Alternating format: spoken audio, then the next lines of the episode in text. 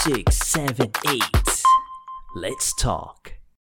Halo semua, kembali lagi ke G-Talk dan hari ini kita kedatangan satu tamu yang sangat spesial juga ya. Uh, tamu kita sepanjang Desember ini semuanya spesial banget uh, karena yang aku tahu dulu dia adalah seorang murid gitu ya di G Center. Kemudian sekarang itu dia udah go international, ya, yeah. dan sekarang jadi salah satu tim Nike juga, dan uh, dia juga sekarang juga di salah satu pengajar di Malaysia. Oke, okay? we welcome Donna Hollywood. Halo semua, uh, namaku Donna, Donna Hollywood. Um, okay. Umurnya 25 tahun ini, terus sekarang lagi tinggal sekarang udah tinggal di Malaysia sih di Kuala Lumpur. Begitu soalnya sekarang udah uh, residensi di sini di KL cuma dulu dulu pernah di Surabaya sama last minute juga. Terus ya gitu deh. Oke okay, oke okay. nah uh, Ceduna uh, aku panggilnya C ya karena dia lebih tua. Oke. Okay. dulu kan Cedona itu di Surabaya benar ya terus yes. sempat jadi murid juga, terus sekarang itu Cedona di Malaysia. Oh, dulu sempat ke Bali ya? Benar ya?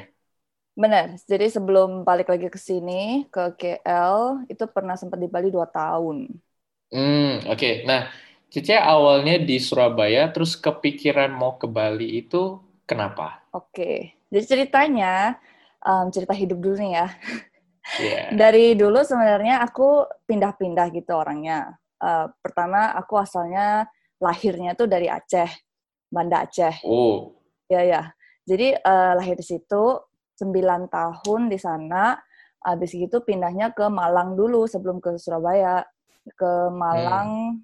dari SD kelas 5 sampai lulus SMP lima tahun gitu kan, lima tahun habis gitu udah beres SMP, bosen tuh di Malang kan kotanya kan uh, lumayan kecil gitu kan, maksudnya nggak heboh-heboh hmm. banget. Terus habis gitu uh, pengennya ke Surabaya, soalnya kan deket, nggak lumayan nggak lumayan jauh dari Malang kan. Jadi soalnya ada hmm. uh, nenek kakeknya kan punya nenek kakek itu kan di Malang. Nervous, okay. aduh. gak apa-apa, gak apa-apa. Agak santai. Kalau seandainya Cici kayak pengen ngomong bahasa Inggris juga nggak masalah. Iya, tapi pengen ngomong bahasa Indonesia sih, soalnya udah lama gitu nggak ngomong bahasa Indonesia. Oke. Okay. Oke. Okay. Uh, jadi habis dari Malang ke Surabaya uh, untuk SMA tiga tahun. Nah dari situ hmm. dari situ mulainya uh, nari soalnya ada kayak teman sekelas gitu kayak ngajakin. Oh dulu tuh zaman zamannya Brandon tahu nggak sih? Yang IMB ah, yeah. gitu. Jadi kan hmm. eksis tuh. Wah langsung last minute. Kan lagi booming banget kan. Jadi uh, temanku tuh ngajakin eh mau nggak last ke last minute street crew uh, apa? Belajar apa? dance iya gitu iya ya. belajar dance belajar dance gitu kan. Terus ya udah pertama ngikut-ngikut aja. Terus uh, ikut ke G Center dulu tuh nggak tahu hmm. sampai sekarang masih ada, atau enggak mereka tuh punya kayak beginner one beginner two terus masuk ke intermediate ah iya. gitu. sekarang masih ada? Masih ada. Ah, masih. ya, ya. jadi yes. ikut itu kan ikut itu dulu abis itu udah lulus selesai advance class udah lulus ceritanya tuh terus sama siapa ya dulu GPS tuh? Pengajarnya Miss B, bukan ya? Bukan bukan Miss, Miss B bukan. Eh. Miss Morin Iya iya kayaknya kayaknya si Kak Erin sama Celinda kan kayaknya ya hmm. lupa. Sorry guys. All good. di ngajakin masuk ke GPS. Aduh dulu tuh zaman-zamannya kayak Yoko, MP uh. itu masih masih di GPS semua kan. Sudah di GPS tuh uh, di drill dilatih basicnya ya, foundationnya lagi, terus disuruh ikut-ikut battle, ikut-ikut competition hmm. gitu. Jadi dulu tuh aku lebih hmm. ke competition dance ya, yeah, competition yeah, yeah. based gitu ya. Iya iya iya iya. So yeah, yeah, yeah. kayak daripada daripada ngajar-ngajar, daripada ikut kelas, kita tuh aku tuh lebih di drill untuk ikut competition lah, ikut battle lah, hmm. gitu kan. Uh, abis gitu udah kan lulus SMA tuh di Surabaya Habis itu lanjut kuliah. Pertamanya itu karena pas dulu itu udah kayak nempel banget sama yang namanya nari kan, udah kayak oh passionku adalah di nari gitu-gitu kan. Jadi Yeah. pengen stay di Surabaya. eh habis gitu apply-nya apa namanya? Apply itu apa sih? Eh, Ya, apa itu? Mendaftar. Ya ya ya mendaftar mendaftar di UKP di UKP Oh, uh, ya. gitu kan. Hmm. Habis gitu udah tuh udah daftar udah keterima, tinggal bayar kayak depositnya gitu. Terus telat Hmm. bayar depositnya, soalnya aku nggak tahu kalau hari itu tuh hari terakhir.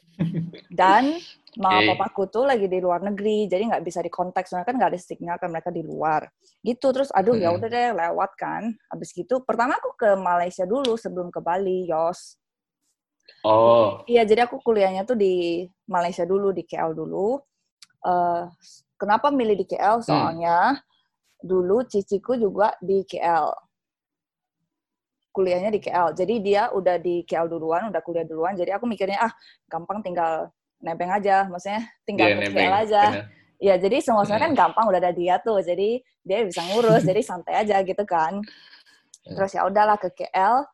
Pas di KL itu masih nari juga sih, cum oh ya masih nari, masih ikut-ikut battle, masih masih aktif lah pokoknya, masih aktif nari sampai lulus kuliah tiga tahun di sini di KL kan. Abis gitu udah lulus Jurusan apa, Cik? hotel, perhotelan. Hmm, Hmm. oke. Jadi kalau di perhotelan tuh kan dia kan ada magangnya gitu kan. Magangnya Yes. eh dapatnya di Bali. Di Bali, makanya pindahnya ke Bali. Pertama buat magang dulu 6 bulan. Habis gitu udah selesai magangnya kan lagi nunggu graduation kan. Graduation Hmm. apa sih bahasa Indonesia? Wisuda. Ya wisuda, wisuda. Kita lagi lagi lagi nunggu wisuda. Tuh lumayan lama Hmm. kayak enam bulan, tujuh bulan gitu. Jadi nganggur gitu.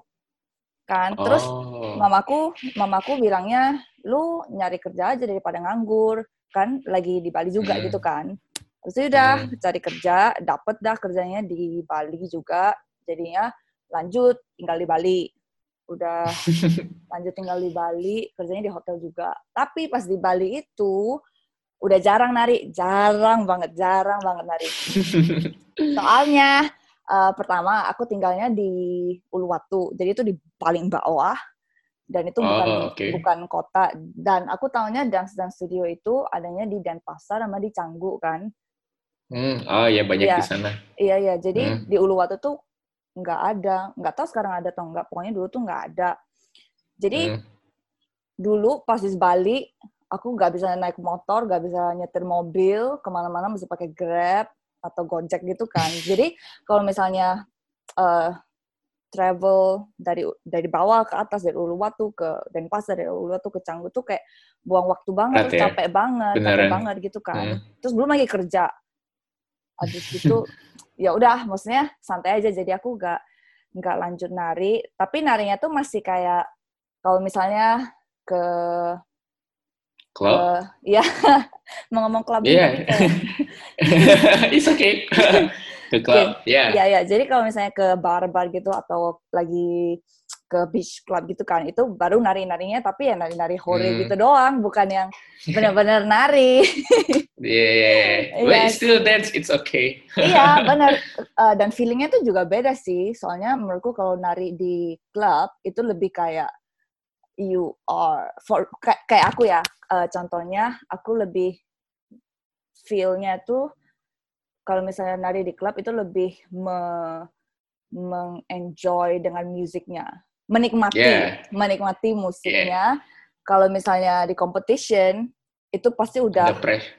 Iya. Ya, ada pressure-nya gitu ya kan. dan mindsetnya itu udah Mhm. langsung harus menang harus menang harus menang gitu Hmm. jadi itu beda Hmm. banget dan di Bali aku belajarnya itu sih meskipun aku gak Hmm. konsisten kayak contohnya ke kelas ke dance studio tapi Hmm. itu yang aku satu belajar di Bali itu habis gitu udah dua tahun di Bali ketemulah satu orang ini yang jadi suami sekarang iya Itu gimana ceritanya kok bisa ketemu C? Eh, Dulu dulu Cece jadi kayak eh, bantu dia jadi model fotografer. Oh iya, yang aku tahu juga sih jadi model ya di Bali ya.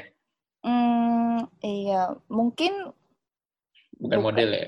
Apa? bukan kayak tal- talent gitulah. Kalau aku sih Talent, ya, yes. Aku melihat diriku sendiri itu bukan model sih, lebih ke talent.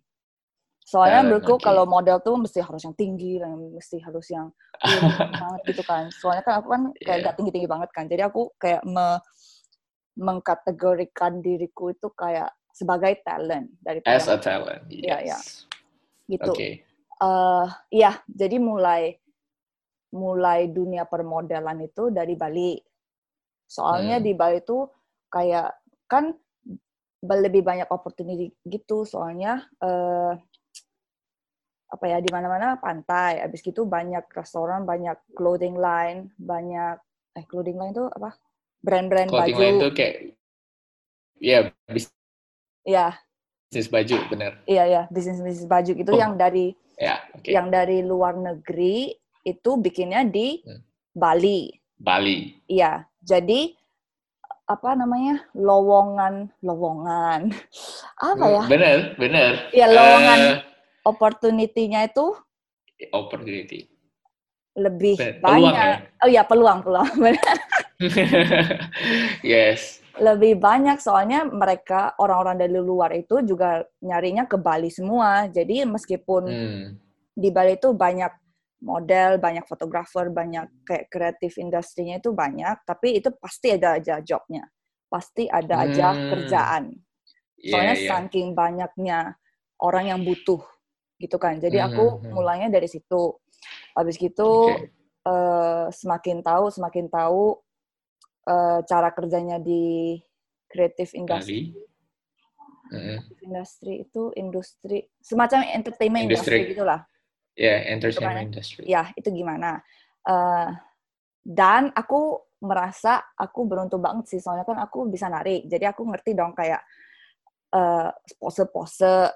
Terus kayak Ah, eh, aku lebih understand apa? Memahami lebih memahami eh, diri bukan diri aku kayak physical bentuk awareness.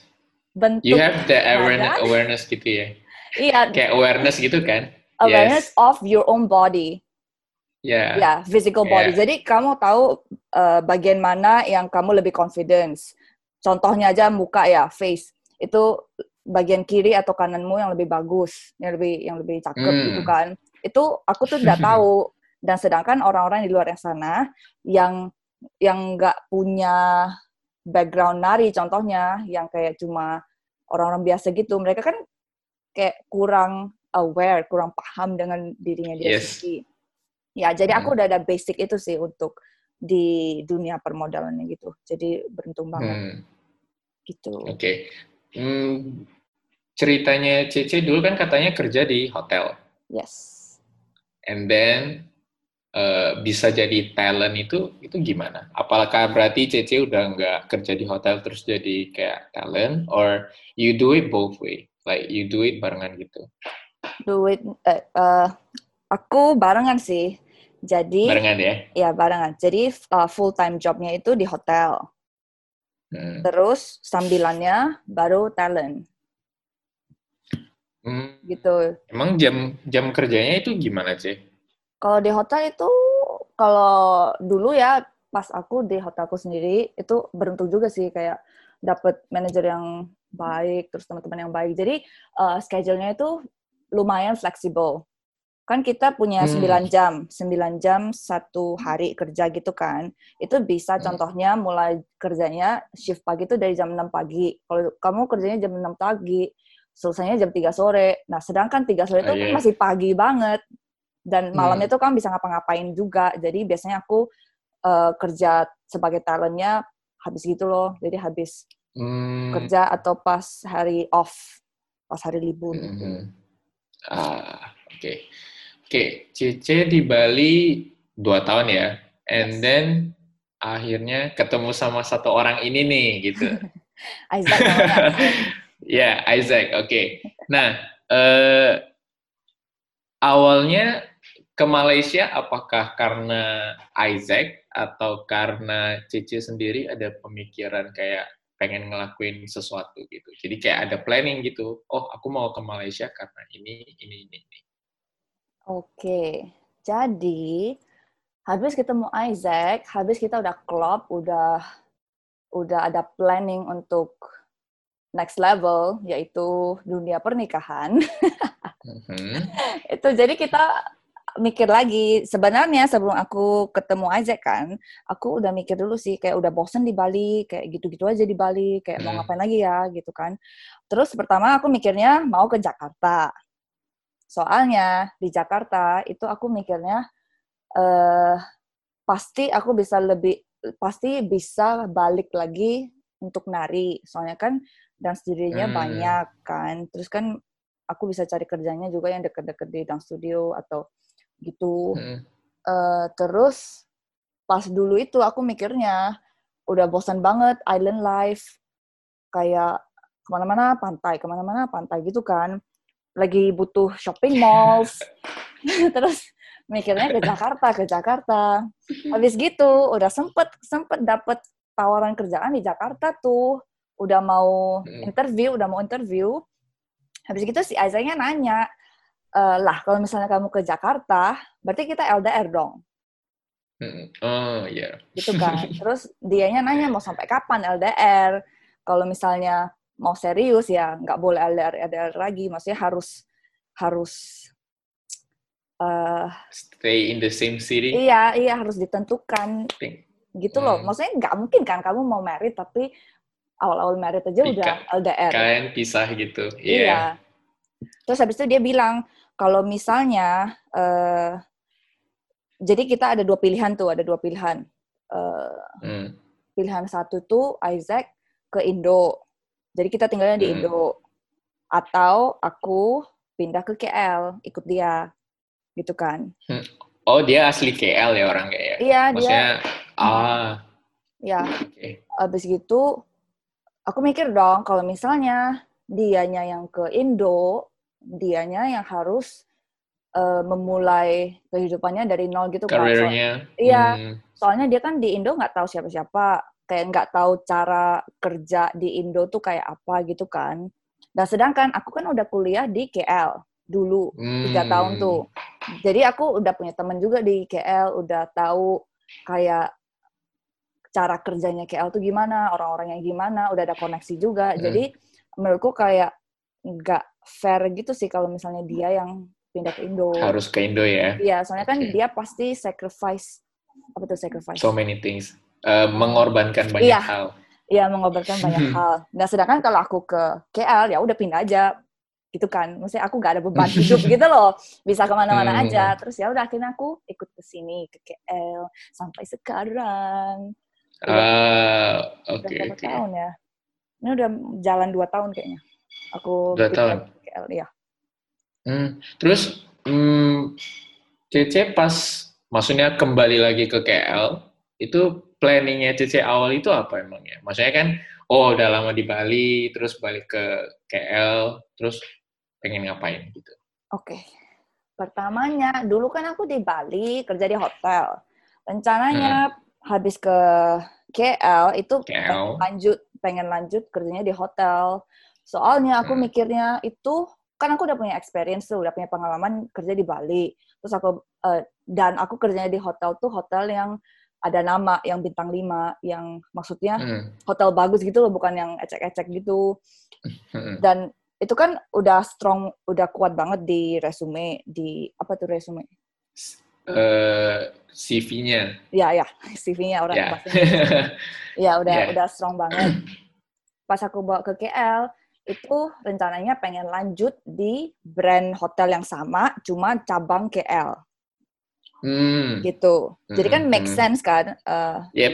ya gitu. Habis gitu ternyata pas aku pindah ke sini udah ngurus visa dan segala macam itu aku nggak boleh kerja dulu sampai enam bulan stay di KL gitu. Jadi Hmm, kalau kamu married ya sama orang KL kamu udah punya visa tuh terus tapi kamu tetap nggak boleh kerja harus diem dulu enam bulan baru bisa kerja gitu. Oke. Nah, udah diem dah enam bulan tuh nggak ngapa-ngapain kan. Terus aku kan punya temen dance juga di sini. Dulu kan Hmm. pas kuliah kan aku ikut-ikut kelas juga kan. Terus udah dah ke ke dance dance studio ngambil-ngambil kelas. Abis gitu aku ke ada satu satu dance studio yang aku kerja sekarang namanya Babel Dance. Ya, Babel Ya. Dance. Aku dulu itu sebelum pas masih kuliah di sini, itu tuh aku sering ambil kelasnya yang namanya Maybelline. Jadi dia tuh Hmm. ada satu instructor atau teacher gitu ya. Dia ngajarnya semacam kayak kalau di Indo ngomongnya girl style gitu. Kayak Oke. heels, ya heels choreography class gitu Heels kan. class. Iya, Ya. iya, iya, iya. Nah, kan aku kan suka banget kan sama kayak stylenya dia. Kalau Hmm. menurut aku ya, kayak aku punya idola gitu. Kalau yang untuk heels choreography class, kalau di Indo tuh aku paling sukanya tuh sama Chenia. Ah. Iya, itu tuh kayak udah idolaku Yeah. gitu, gitu kan. Kalau di KL itu idolaku tuh Maybelline. Gitu. Jadi Maybelline. Iya, jadi aku kan ke kelasnya dia kan. Dia itu udah ngajarnya di Babel Dance duluan. Jadi dia yang pertama kerja di Babel Dance. Abis gitu, udah deh aku ikut kelasnya dia, udah berapa kali, kayak berapa minggu gitu. Terus ditawarin sama dia, eh kamu mau nggak part time di sini jadi asistenku? Dia nanya kayak gitu. Wah. Iya, terus aku mikirnya, ya kenapa enggak? Soalnya kan aku nganggur juga di sini, nggak ngapa-ngapain. Eh, Hmm. Ya lumayan juga sebagai kayak dapat duit saku, duit saku. Ya, uang saku. Ya uang saku, ya uang saku gitu kan daripada nggak ngapa-ngapain. Terus ya udah ikutan eh, part time di situ jadi asistennya dia.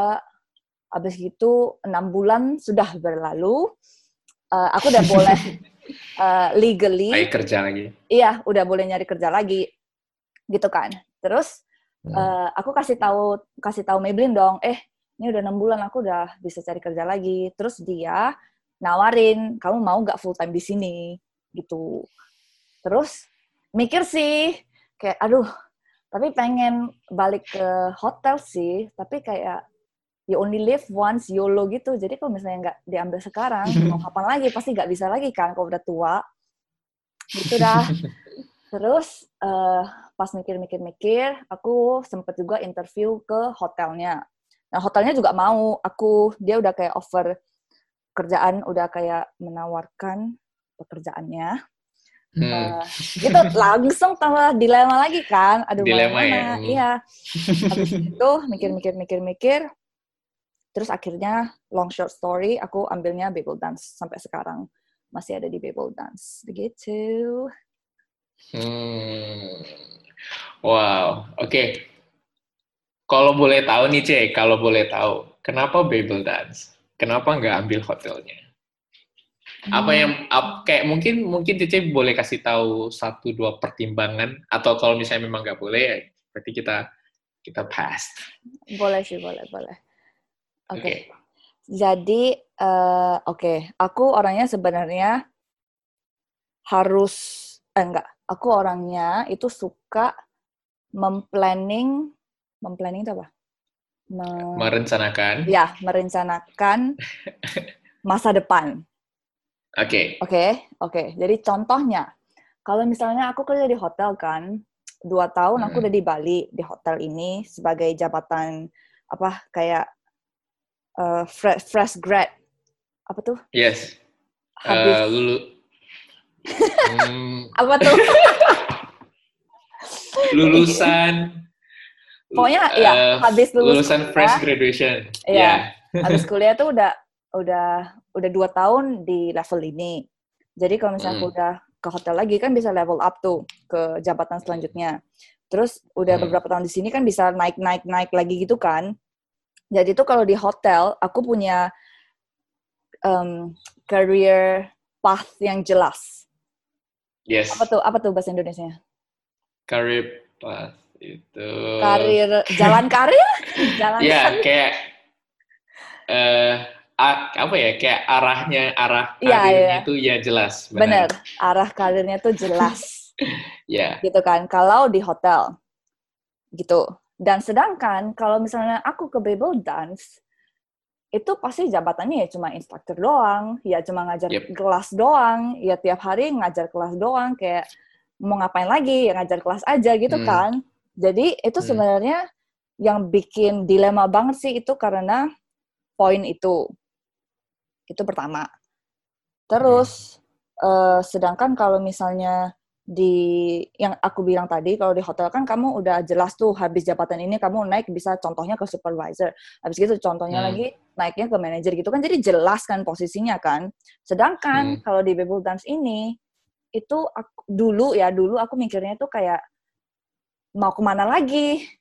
Kamu jadi teacher ya udah jadi aja teacher. Jadi nggak mungkin mau jadi senior teacher, manager teacher itu kan nggak mungkin ya nggak ada.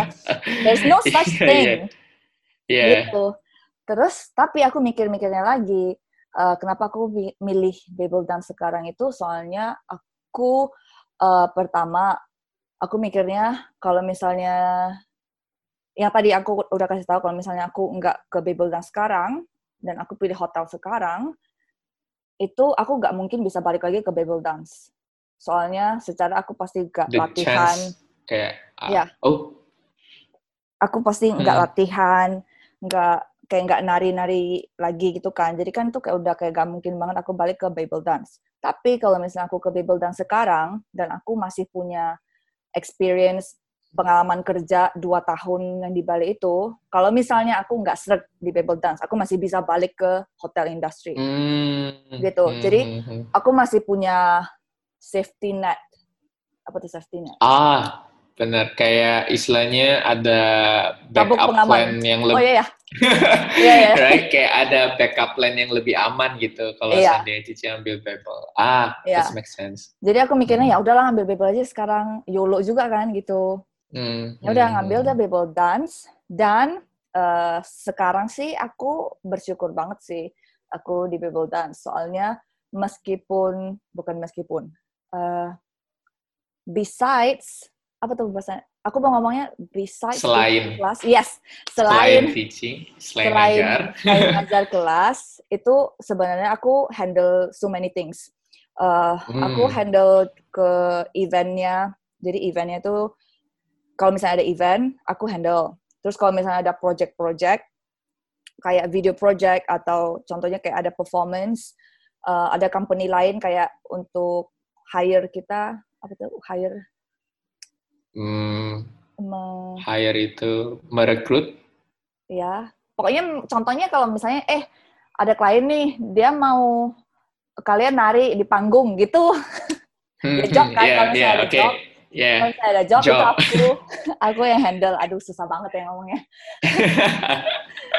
kalau misalnya ada job aku yang handle Hmm, Uh, Hmm. communication communication komunikasi dengan klien itu aku yang handle kadang-kadang kayak masalah nego harga aku yang handle terus habis Hmm. gitu uh, banyak dah pokoknya kliennya yang mintanya project apa-apa aja itu pokoknya aku yang handle itu Yes. jadi kayak selain menari menari gitu sebenarnya aku belajar banyak sih di daerah di bidang um, client servicing ya, ah, service. ya ya ya ya Oke, oke. Wah, menarik banget sih. Eh,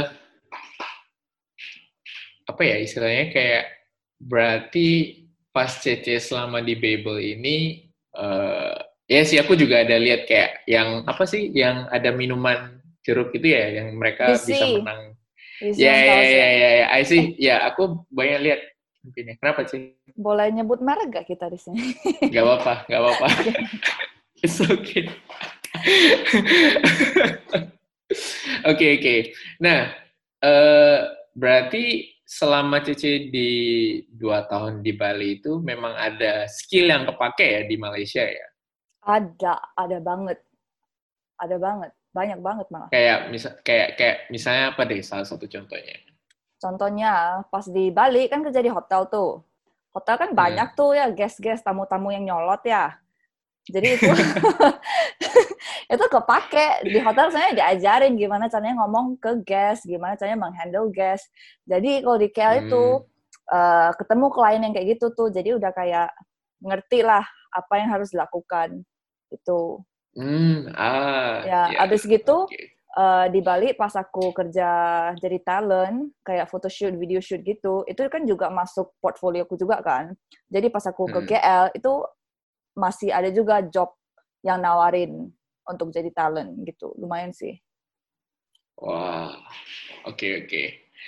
Pas di Babel sendiri ini, Ceceng, Cece eh, ngerasa gimana? Maksudnya kayak, eh, apakah Cece bakal take this as long term yang mungkin eh, kayak bakal kerja sampai tua atau or at some point kayak oke kayaknya ini the time aku masuk hotel industry kayak Cece bilang tadi gitu. Oke. Eh, yang aku tahu ya, yang aku yakin sekarang itu aku nggak mau lagi balik ke hotel industry. Gitu dah. itu aku aku udah menentukan sih, udah kayak aduh kayak gak pengen lagi ke hotel industry soalnya capek. S- eh, senang sih senang, seru sih Hmm. senang. Cuma untuk sekarang aku mikirnya kayak enggak deh kalau misalnya balik ke hotel itu enggak itu pasti. Terus kalau misalnya eh, enggak kalau apakah aku akan tinggal di uh, dance industry for long term untuk jangka panjang itu sebenarnya jujur masih nggak tahu sih masih kayak kayak mik- mikir masih mikir soalnya Hmm. uh, aku mikir ya kayak kita dancer aset kita ya badan iya Hmm. physical physical physical body jadi kan kan nah sedangkan kita punya apa yang namanya kita punya masa untuk kita punya kita punya waktu untuk menggunakan badan ini itu kan nggak banyak iya nggak banyak Ya, terbatas.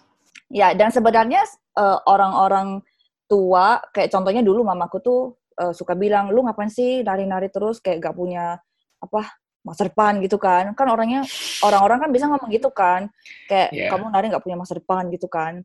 Itu sebenarnya nggak salah dan nggak 100% benar, tapi itu nggak salah.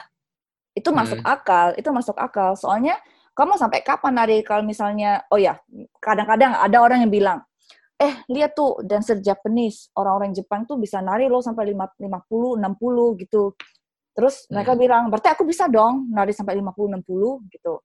Terus aku mikirnya, ya bisa sih bisa, cuma coba kamu eh, membandingkan gaya hidupmu dengan gaya hidup orang-orang Jepang, itu udah beda total banget gitu kan. Jadi eh, logiknya di di otakku tuh mikirnya, nggak mungkin aku bisa nari sampai 50-60 itu nggak Hmm. mungkin soalnya eh, aku makannya udah kayak makan sembarangan yang oily yang yang kayak nggak dijaga banget jadi aku itu udah kayak pasti banget nggak bakal narik seumur hidup gitu kan Hmm.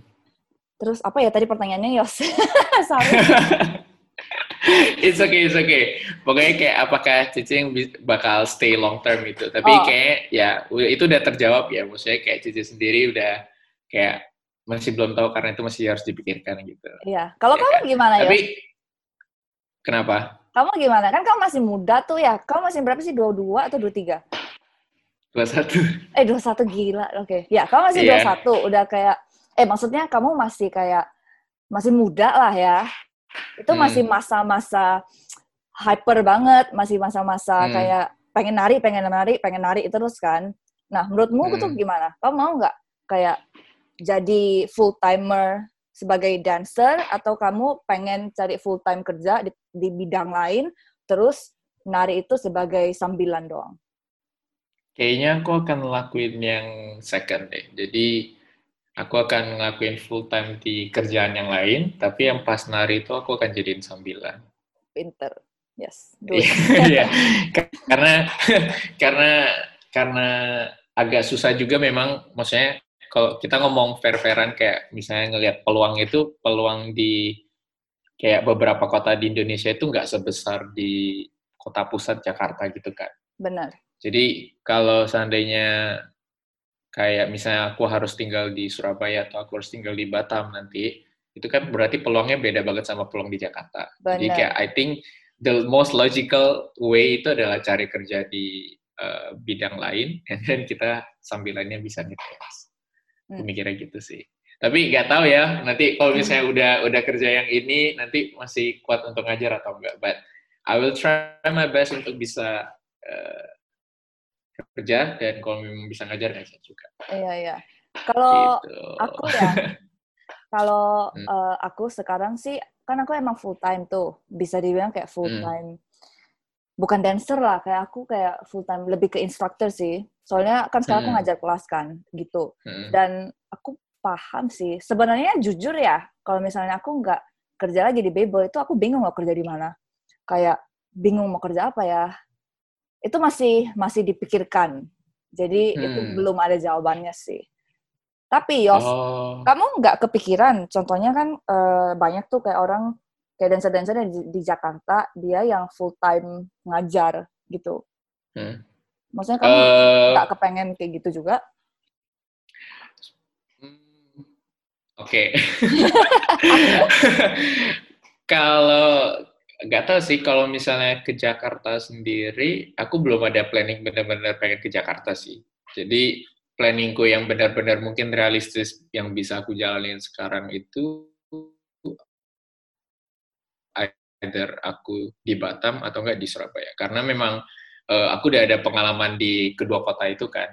Jadi kayak uh, I know how it works. Kalau misalnya aku harus ke Jakarta lagi, I think it gonna take a lot of time dan Cece sendiri tahu Miss B sekarang udah umur berapa.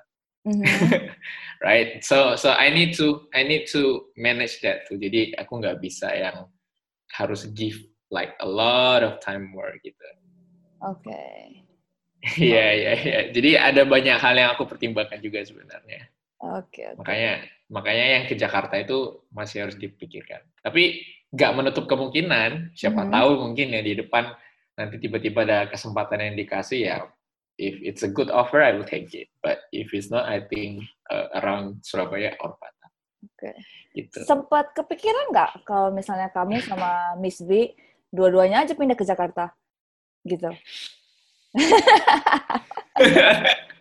Nah itu itu belum ke plan. Tapi belum mungkin ya? mungkin ya. Siapa tahu mungkin one day ada ada opportunities and then kita mungkin berdua pindah Jakarta. Mungkin okay, ya. Oke okay, oke okay, Mungkin yeah. sih. But we never know. Ya yeah, okay, yeah, yeah. Benar, benar, It, itu masih mungkin. But thank you untuk untuk insight-nya loh. Iya iya. Thank you untuk insight-nya. Oke. Oke, Cedona. Menurut Cedona nih, uh, kalau Cedona tag uh, uh, ngambil career as instructor gitu di Malaysia. Uh -huh. Menurut Cece itu uh, peluangnya bisa nggak sih hidup? Maksudnya jadiin instructor itu untuk hidup. Maksudnya kita nggak ngomongin jangka panjang, tapi coba kita ngomongin kayak secara uh, how do I say like in this time gitu. Oke. Okay. Karena kan sering banget orang bilang kayak ah nari kamu bisa dapat apa emang dari nari atau hmm. kamu bisa dapat uang berapa gitu ya. Hmm. Tapi kan sejujurnya kan kalau orang yang nggak jalanin kan nggak ngerti ya. Nah kita coba. Hmm. Kayak Cece sekarang kan ngurusin banyak banget project lah, bikin ini, bikin ini, bikin ini. Gitu. Apakah bisa hidup dari sana? Oke. Okay. Uh, eh, aku nggak bisa ngomong um, untuk semua instructor di sini sih. Soalnya bedanya itu aku kan di Babel Dance. Jadi di Babel Dance itu aku sebagai instruktur itu dikontrak sama Babel Dance. Jadi itu aku cuma bisa kerjanya di Babel Dance doang. Jadi aku nggak bisa sebagai freelance untuk kerja di hmm. studio-studio yang lain. Dan kebanyakan instruktur, I think uh, di Indo juga kayak gitu. Kebanyakan orang-orang itu kalau jadi instruktur tuh dia freelance kan, bener nggak? Ah, dia hmm, freelance. Di Jakarta banyak. Iya, dia contohnya kerjanya di studio ini hari ini ini ini. Terus kerja di studio itu ngajar kelas hari ini ini ini, ini gitu kan. Jadi tuh hmm. mereka nggak ada studio yang tetap gitu deh. Jadi kalau misalnya hmm. aku bedanya aku itu aku punya studio yang tetap dan memang aku kerja di company itu. Jadi yes. gimana ya kalau misalnya ngomongin duit ya, ngomongin gaji, itu aku ada gaji bulanan.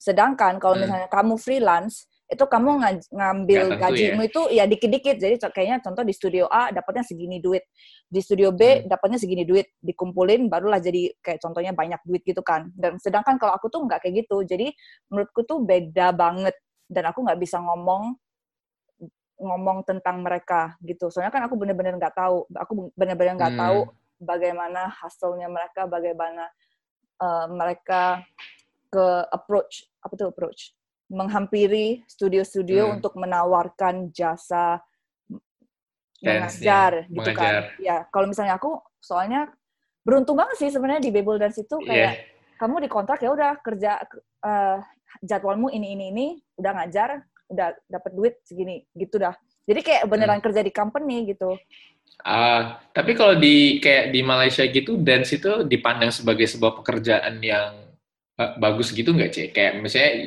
kalau misalnya kan ada beberapa kota di Indonesia kalau misalnya mereka ngajar dance itu mereka itu nggak akan maksudnya nggak dihargai sama masyarakatnya lah. Kayak Hmm. pandangan masyarakatnya itu kan pasti berbeda. Tapi kalau di Malaysia sendiri gimana cek? Hmm, masih ada sih beberapa pandangan yang seperti itu, yang Hmm. memandang dancer itu sebagai bukan kerjaan yang profesional.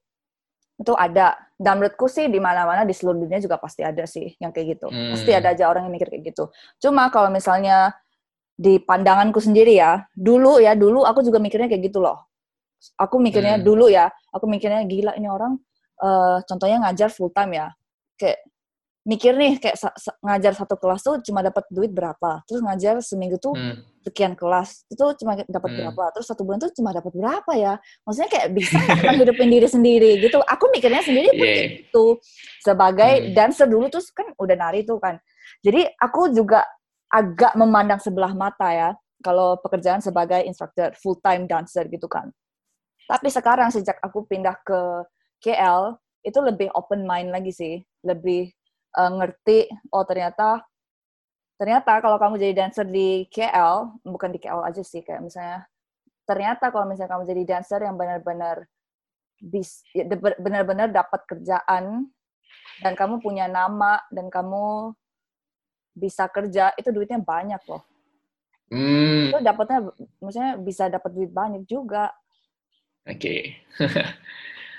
cuma nggak tahu ya kalau long termnya gimana soalnya kan fame apa tuh fame Eh, popularitasnya itu Eh, kan popularitas. ya nggak mungkin tinggi terus kan itu jadi nggak tahu gimana tapi bisa ya bisa aja dapat duit banyak gitu Ah, oke. Berarti pandangan Malay orang Malaysia terhadap dance itu berarti kayak mereka benar-benar appreciate the art ya.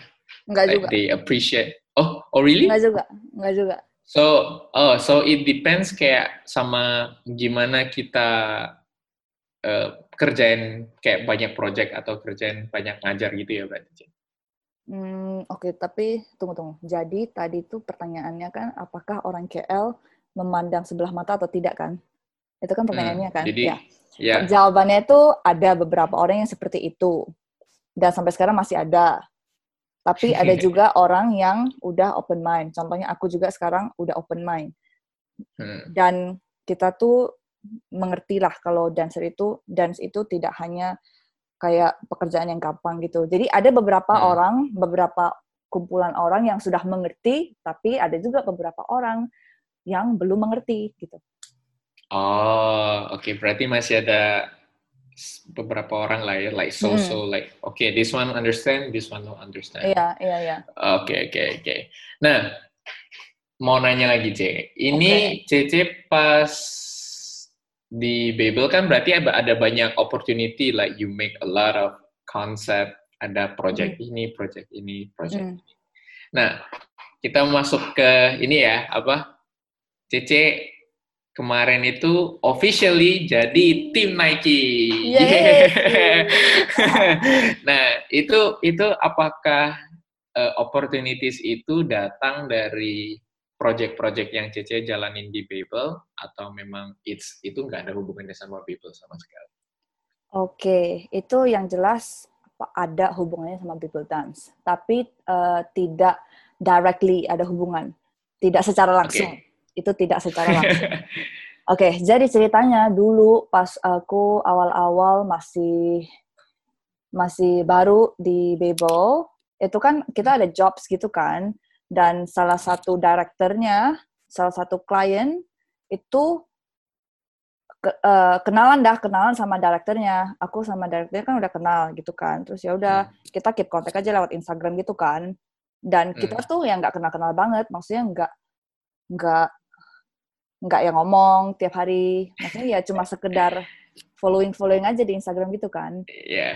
dah gitu. Terus uh, udah beberapa pokoknya sampai sampai kemarin tuh di kontaknya Agustus. Ya sama hmm. direktur hmm. ini. Jadi direkturnya ini tuh dia yang handle Nike juga. Dan tapi sebelum itu aku nggak tahu sih kalau dia yang handle Nike. Soalnya dia tuh handle banyak brand juga gitu loh. Dan aku nggak tahu kalau dia handle-nya Nike juga. Abis gitu uh, apa ya ceritanya ya? Di approach gitu sih di approach pertama sebenarnya dia uh, WhatsApp duluan kan dia uh, WhatsApp bilang eh uh, aku lagi apa namanya ada study case untuk uh, female dancers di Malaysia. Terus dia kayak ada kayak banyak list pertanyaan gitu kan. Dia minta aku jawab. Katanya untuk case tadi. Terus ya udah kan aku jawab aja kan bantu bantu bantu aja kan. Ya udah jawab jawab aja.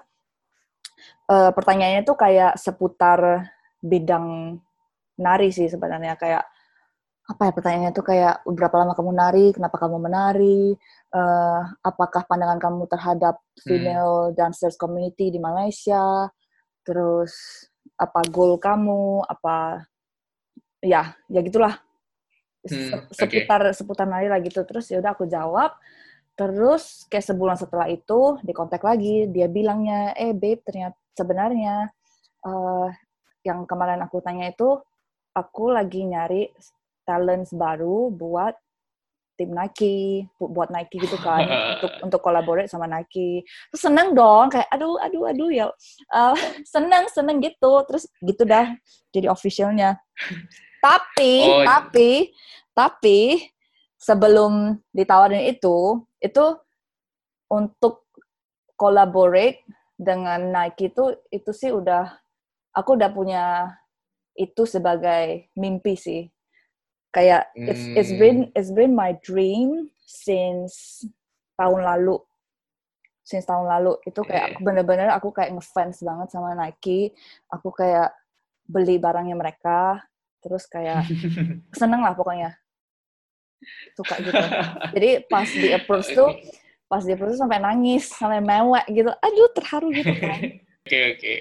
nah uh, Cece mungkin bisa kasih tips gak?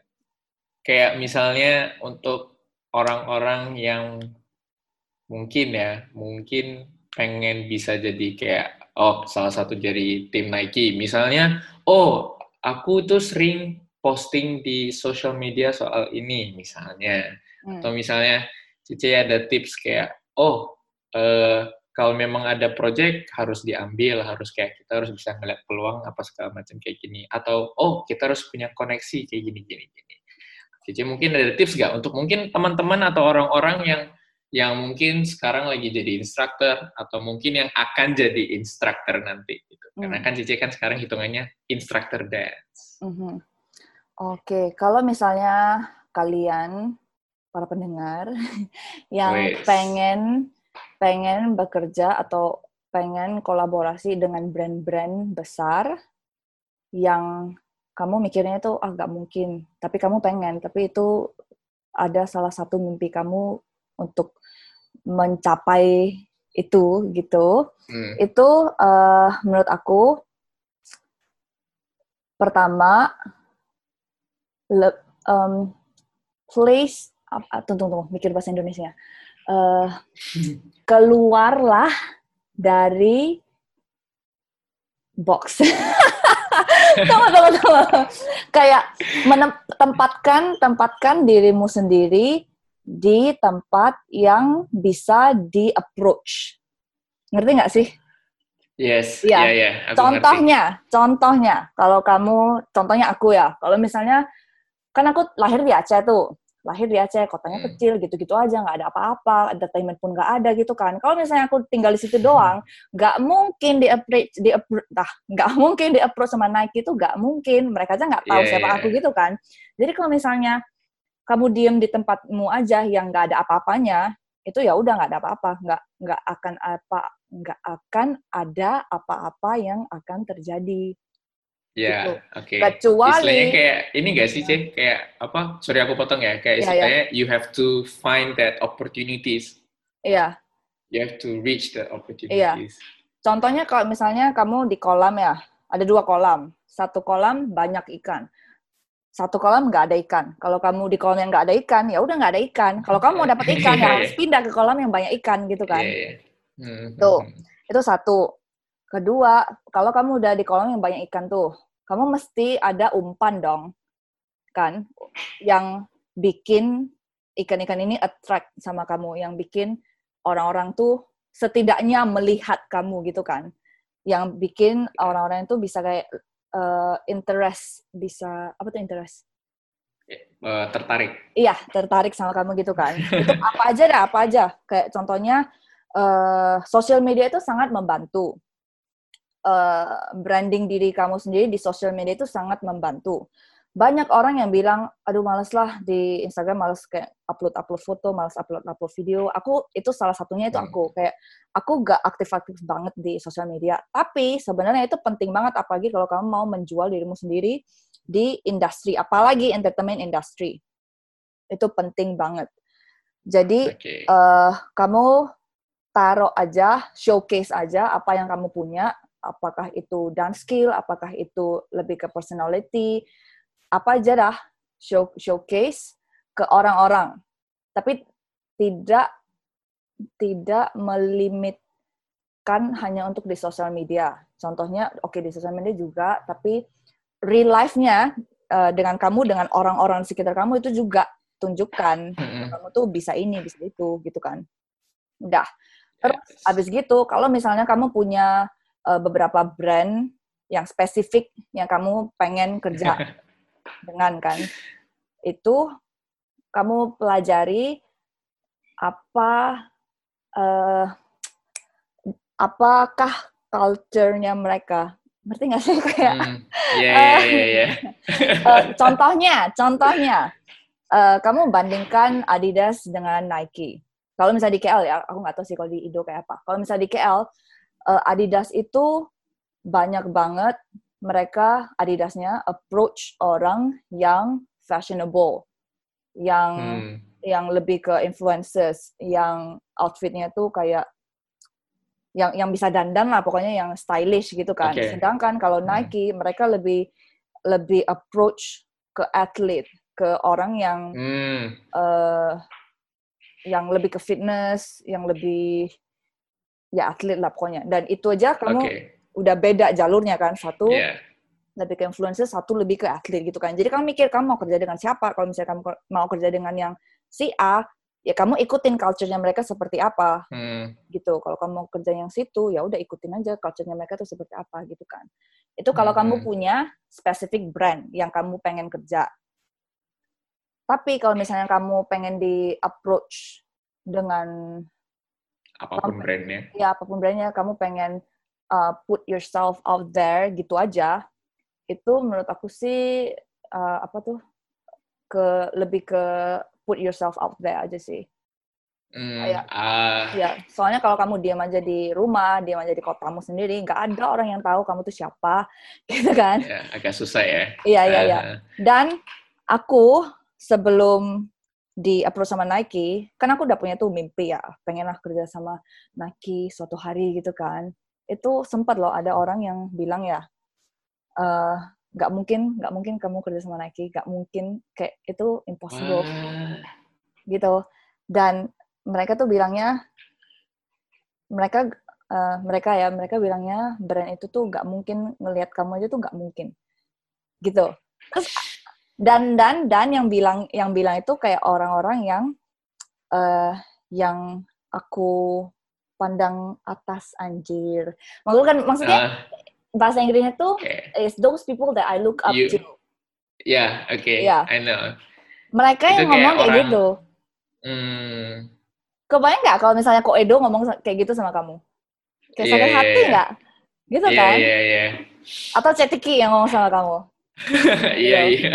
Kayak sakit hati sih. Cuma pas itu tuh eh sempet sempet kayak mikir ya aku kan dulu ya kayak pas zaman itu kayak wah nggak tahu itu emang apakah akan terjadi atau tidak cuma ya udah itu masih sebagai mimpi gitu kan cuma ya Mimpi, ya aku nggak nggak nggak sebegitu mikirin nggak sebegitu fokus untuk eh mencapai Bisa. itu Hmm, Iya, tapi aku fokusnya lebih ke diriku sendiri, lebih ke eh lebih ke apa namanya, meng up, mengimprove Upgrade. skill, ya ya, Mengimprove. upgrade, mengimprove skill, lebih ke diriku sendiri gitu loh. Jadi ini nggak tahu benar atau enggak, jadi Hmm. ceritanya si brand ini yang melihat oh Dona itu kayak gini gini gini loh, ya udah mereka yang approach gitu. Jadi aku nggak fokusnya aku pengen kerja aku pengen aku pengen collaborate sama Hmm. mereka tapi aku lebih ke